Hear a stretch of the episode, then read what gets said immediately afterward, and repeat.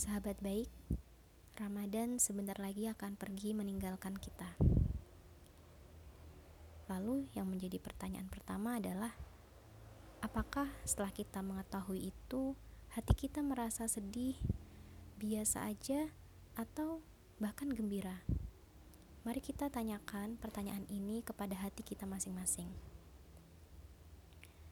Dan yang menjadi pertanyaan selanjutnya adalah apakah kita sudah melakukan amalan-amalan terbaik kita?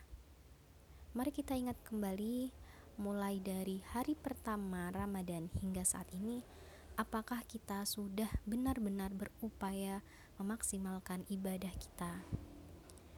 Satu parameter yang dapat mengukur keberhasilan ibadah kita di bulan Ramadan adalah dengan meningkatnya ketakwaan kita kepada Allah meskipun kita sudah berada di luar bulan Ramadan. Mari kita tanyakan pertanyaan-pertanyaan tadi untuk diri kita sendiri dan jawabannya pun kita sendiri yang mengetahuinya.